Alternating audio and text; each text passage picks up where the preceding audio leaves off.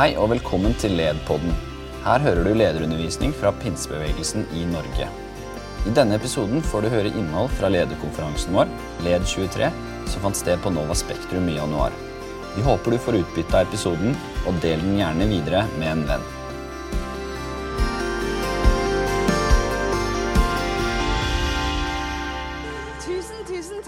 Takk for invitasjonen. Og jeg ah, fortsetter i samme spor. Jeg er ikke helt sikker. Uh, Johanne hørte jeg første gang på Gi Jesus videre, og det var jo bare helt fantastisk gøy. Jeg tror ikke jeg har hørt så morsomt på veldig, veldig, veldig lenge. Så det er gøy. Men så gøy er ikke jeg, altså. Men uh, jeg skal snakke litt om hva kirke er. Um, og det tar jeg utgangspunkt i den overskriften her 'En kirke uten vegger'. For hva er egentlig kirke? Da alt stengte ned i 2020, så sa noen at kirka var stengt. Men kirka kan jo ikke stenge, for kirka er jo oss, det. Kirka er fellesskapet, og vi kan jo ikke si at vi har stengt. Jo, bygget vårt stengte, men ikke oss. Og hvis vi tar konsekvensen av det på alvor, at vi er kirken, hva får vi da? Liksom. Det har jeg reflektert en del over i denne boka. Du ser bildet av bak her. Og jeg har så mye på hjertet som jeg tror er så viktig å snakke om. Og jeg rekker ikke det på den tiden jeg har, så derfor så vil jeg anbefale å lese den hvis du ønsker å gå litt mer i dybden da, og reflektere litt for din egen del. Stille masse spørsmål jeg tror de er så viktige å snakke om. For hva betyr det i praksis at vi er kirke? Vi går ikke Jo, vi går til kirkebygget, men vi er kirke. Vi vet det. Allikevel kan vi glemme det litt sånn i praksis, da. Kirke, menighet, handler dypest sett om relasjon til Jesus og relasjon til hverandre. ikke sant? Og Det var det Jesus også svarte da han ble spurt av en av de som ville sette ham på prøve. Hva er det viktigste da, Jesus? Jo, det er nettopp å elske Herren Gud og vår neste som oss selv. Det er det det koker ned til. Og hvis vi koker det ned da, og kommer det til dette beinet som handler om relasjon til hverandre og til Jesus, så vil det, tror jeg, gjøre noe med hvordan vi gir troa videre til de som kommer etter oss. Og det er også på en måte beveggrunnen min for hele denne boka. Hele, alt jeg gjør, egentlig. I, det handler om å gi det et, til de som kommer etter oss, sånn at troa varer i de. Ikke bare et program og en ungdomstid, men gjennom hele livet. For vi vil jo at de skal kjenne Jesus, de her, ikke sant? Vi vil at de skal lære han å kjenne, bli glad i han og ville leve med han resten av livet sitt. Allikevel så ser vi det at mange velger bort troa. Eller i hvert fall så velger de bort fellesskapet. Eh, og Hva som bor i hjertet på den enkelte, det vet selvfølgelig bare Gud og den det gjelder. Men allikevel vi ser at mange forsvinner bort fra menighetene våre. Og kanskje gjelder det ditt barn. Og da har jeg lyst til å starte med legg bort skyldfølelsen. Det er så mange faktorer som spiller inn, og jeg skal si litt om de nå etterpå. Så det er ikke bare den ene faktoren at jeg uff, jeg blei visst mislykka. Legg det vekk. Det er ikke fra Gud. Så jeg har lyst til å si vi har ikke sett slutten av historien. Vi vet ikke hvordan det ser ut der framme. Og Derfor har jeg lyst til å si det aller, aller først. Men det er mange som velger bort troen og fellesskapet.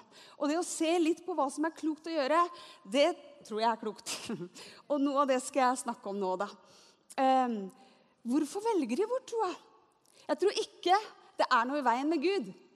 Jeg tror heller ikke det er noe i veien med de som går bort fra oss. Jeg tror kanskje vi kan se en gang til på hvordan vi leverer Jesus videre. Da. Hvordan vi formidler han, og kanskje til og med åssen vi lever sjøl. Og kanskje til og med også hvordan vi driver menighetene våre. Jeg mener ikke å være ufin, altså. Men jeg har lyst til å se litt på det vi gjør, ikke med nødvendigvis kritiske briller, men med konstruktive briller.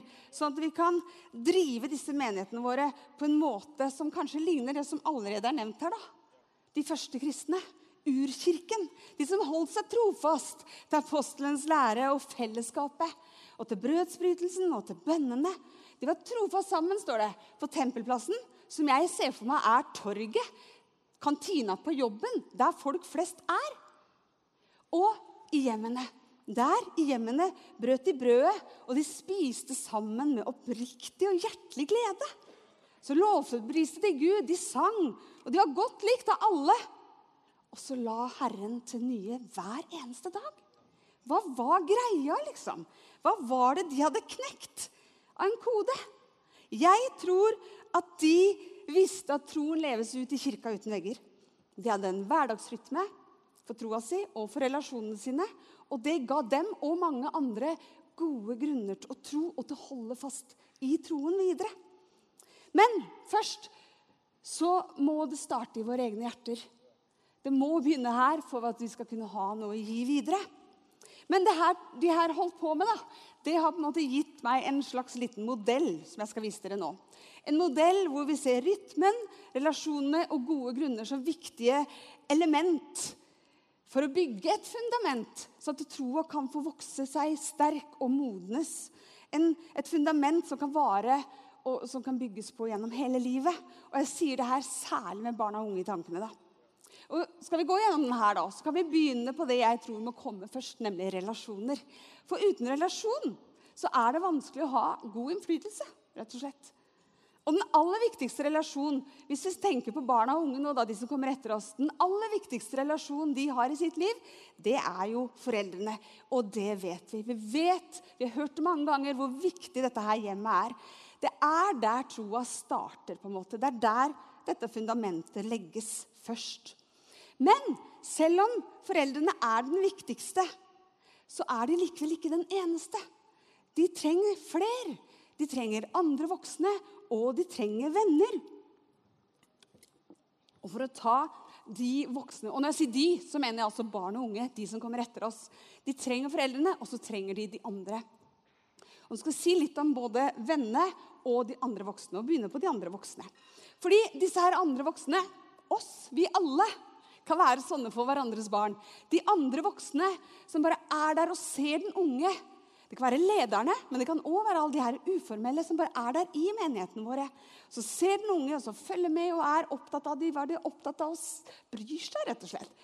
Og så sier forskning fra Barna Group at hvis den unge har to til tre andre voksne i menigheten enn sine egne voksne, jo, da er sjansen så mye større for at de blir i menigheten og i troa.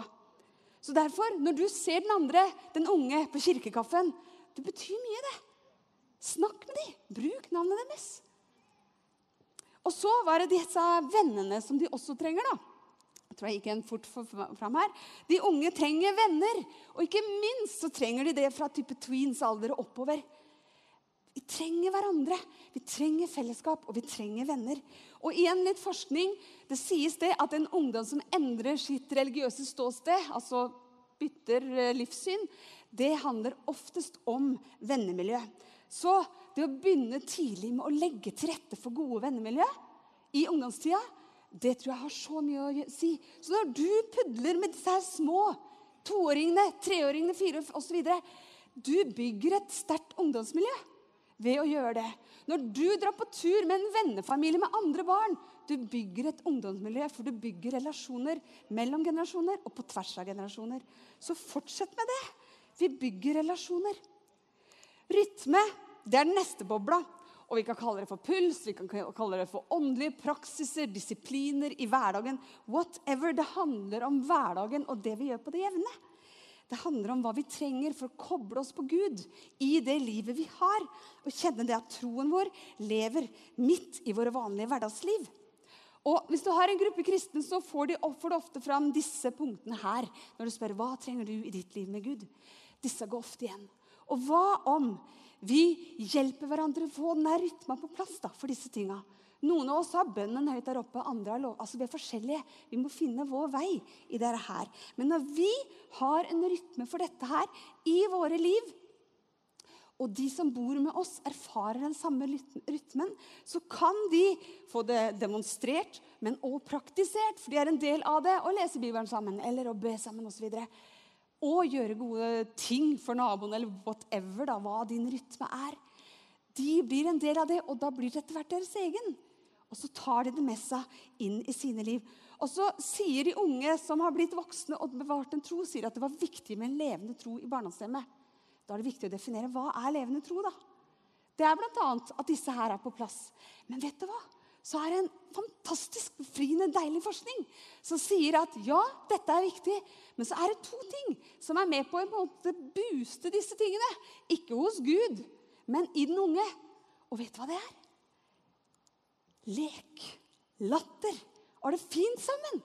Det å vite at her er jeg elska, her er jeg trygg, jeg kan være hele meg. de som vokser opp i sånne hjem, for dem så betyr den altså den bønnen får en større forankring. da. Så ha det gøy. Triv sammen. Men i tillegg så var det gjestfrihet. Og da tenker jeg på de første kristne igjen. Som var sammen i hjemmene, spiste sammen. Gjestfrihet. Så disse her faktorene tenker jeg er så viktige for at den tredje bobla skal komme på plass. Gode grunner til å tro. Hva gjør at noen får gode grunner til å tro? Jo, det er blant annet det vi har om nå. Men hva er gode grunner til å tro? da? Jeg deler det inn i både subjektivt og objektivt. Og de her subjektive grunnene, eller jeg tar de objektivt først, det er jo det som er utenfor oss selv. Eh, var nevnt apologetikken her. Det som står fast uavhengig av meg. Guds frelse står fast uavhengig av meg. Det Å lære om sånne faktiske ting, da, det er viktig for at troa skal på en måte holde. da. Men i tillegg så er det ikke minst det subjektive. Og her kommer Den hellige ånds overbevisning hjertet inn. Det at jeg erfarer Herlighet, Gud, du er jo på ekte. Du lever jo, ja, mamma, i mitt liv. Og jeg erfarer deg på ulike måter. Og da kommer fellesskapet inn igjen. ikke sant? At der kan vi erfare Gud på stadig flere måter. Så er jo det store spørsmålet, eller forresten en ting til rundt subjektivt, det å være med å bidra er med på også å gi disse subjektive grunnene større kraft. For da kjenner jeg at ah, her har jeg betydning, og gjennom å bidra så kan jeg også erfare Gud på ulike måter. Så er jo spørsmålet da, Hvordan ivaretar vi det her rytme, relasjoner og gode grunner inn i våre menigheter, samtidig med at vi holder hjemmet opp som den viktigste arenaen? Jeg tror at smågrupper er et clou jeg tror det er et unikt verktøy, for da ser vi hverandre i øynene. Vi sitter i sirkel og ikke i rader. Vi ser hverandre. Og ikke bare for de voksne, men for de unge også. Ned i alder. Gjerne ned i småskolealder kan du ha smågrupper. Hvis du har søndag, en søndagsskole i kirken din, i menigheten din, del de inn i smågrupper. Hvis du har en liten menighet, fantastisk mulighet til å være liten, for du er ei smågruppe. Bruk de smågruppekvalitetene som du finner der. La den unge bli sett på en helt annen måte når de er ei lita gruppe. Anled, I en smågruppe har de anledning til å stille spørsmål som man ikke våger i sånn fellesskap vi er nå. Det er for stort. Men når du har den mindre enheten, så kan man komme med sine grublerier og si ah, 'Jeg syns det er vanskelig, du sa i stad. Hva gjør jeg med det?' Og så, videre. så kan man ta praten når det trengs. Så smågrupper, så er det stor menighet, så splitt det opp i små grupper også. Ja til store samlinger, men òg de små. Smågrupper er et unikt verktøy, for der bygger vi både relasjoner, vi kan øve på rytmen, sånn at vi får gode grunner til å tro. Men hva hvis vi begynte å se på smågruppen, da? Den første smågruppen, som, altså familien som den første smågruppen. Jeg tror at når vi fødes, så fødes vi inn i ei smågruppe. Her skal dere se bildet av en liten snupp som ble født for 26 år siden. Noen av dere kjenner han. Min lille Simon. Han blei ble født inn i familien Andernak Johannessen og fikk Øystein og Linda som smågruppeledere. Jeg vil påstå han var heldig. Vi var i hvert fall heldige med gruppemedlem nummer eh, tre. Etter hvert så kom også Juni og Linnea til som eh, de to neste små gruppene medlemmene. Og sammen så utgjorde vi smågruppa på fem, som da fikk navnet Oi sann. Eh, Andernak Johannessen. Du ser oss under der for noen år tilbake. Og I den smågruppa tok ungene mine sine første steg. De lærte sine første ord. Og tenk om familiesmågruppa var det stedet hvor vi også tok våre første åndelige steg. da. At det var helt naturlig. Det var der vi lærte disse her små babystepsa. Så vokste vi og ble mer og mer rotfesta og modnes, blir mer og mer modne i vår tro på vår Herre. Jeg tenker at det er hjemmet sin viktigste altså Det er mange ting å si om hjemmet, men det er en av de gode, gode, gode tingene med hjemmene våre. Og det er ingen ny ting, for Moses prata om det samme. Han snakka om at det var der, i hverdagene våre, at livet skulle leves. Så vi skulle først ha det i våre egne hjerter, og så skulle vi dele det støtt og stadig. Midt i hverdagen vår, den kaotiske hverdagen vår. Og Hvis vi lar det her bli en slags sånn rød tråd gjennom det vi jobber med da, i menighetene våre, rytme, relasjoner, gode grunner til å tro, midt i livet vårt, så tror jeg vi er på god vei til å bygge et godt fundament for å gi troa videre. Og I denne boka 'Hver tid teller', som er den andre boka mi, da, der så skriver jeg helt praktisk om hvordan vi som menigheter kan gjøre det for å utruste hjemmene, så de er trygge på å ha den rytmen. Det er så veldig, veldig mange voksne som ikke er trygge på å dele troa si. Det er så veldig mange som syns det er skummelt å be høyt, selv med toåringen sin. Tenk om vi kan hjelpe hverandre med det. da. Å være et fellesskap som står sammen. Jeg tror vi er så veldig mye bedre sammen. Moses har jeg nevnt. Etter Moses så kom Josva, og han hadde lært av Moses. Og Derfor så sa han, når han ble leder etterpå, til sine voksne Når vi går over Jordan her, som Herren har gjort tørr for oss, så plukker vi opp steiner, så tar vi dem med hjem og setter dem på kjøkkenbordet. Så er de minnesteiner til minne om hva Herren har gjort for oss. Og det gjorde de. Kjempesmart. Han hadde lært. Men så glipper det likevel. For noen ark til høyre, i Dommerne 2.10, så står det om at det neste slektsleddet vokser opp, og ingen av dem kjenner Herren og visste hva han hadde gjort. Og jeg tenker, hvor var det det glapp? Og vet du hva jeg tror? Jeg tror det glapp i hverdagen. Jeg tror Josfa glemte at det var flere hverdager enn helligdager. Jeg tror Josfa glemte at dette handler om et liv som stadig, stadig, stadig skal deles. Ikke bare én gang som en haug med steiner på benken, men hver dag. Når du går på veien, når du legger deg, når du sitter hjemme, og når du står opp i fri rekkefølge. Hver dag, sa Moses. Gjenta, gjenta, gjenta. Det skulle skje midt i våre rare, kaotiske hverdager. Der er Gud. For vet du hva? Vi er en kirke uten vegger. Og der hvor to og tre er samla i Jesu navn, der er han. Midt iblant oss. Det er der vi har kirke. Og jeg tenker Det åpner opp et så vanvittig rom. Og jeg tenker, Kjære Jesus, hjelp oss til å se deg, da. Midt blant klesvaska og kranglingene. Der er han. Og det å dele han, og ha på en måte Moses-modellen fram, da. Og ikke Josva-modellen. Fin kar Josva, altså. Men han glapp på dette her. Og Moses, hvis vi har hans modell for å gjenta dette i våre hverdager Midt i livet som det er, ikke som vi håpa det var, men som det er.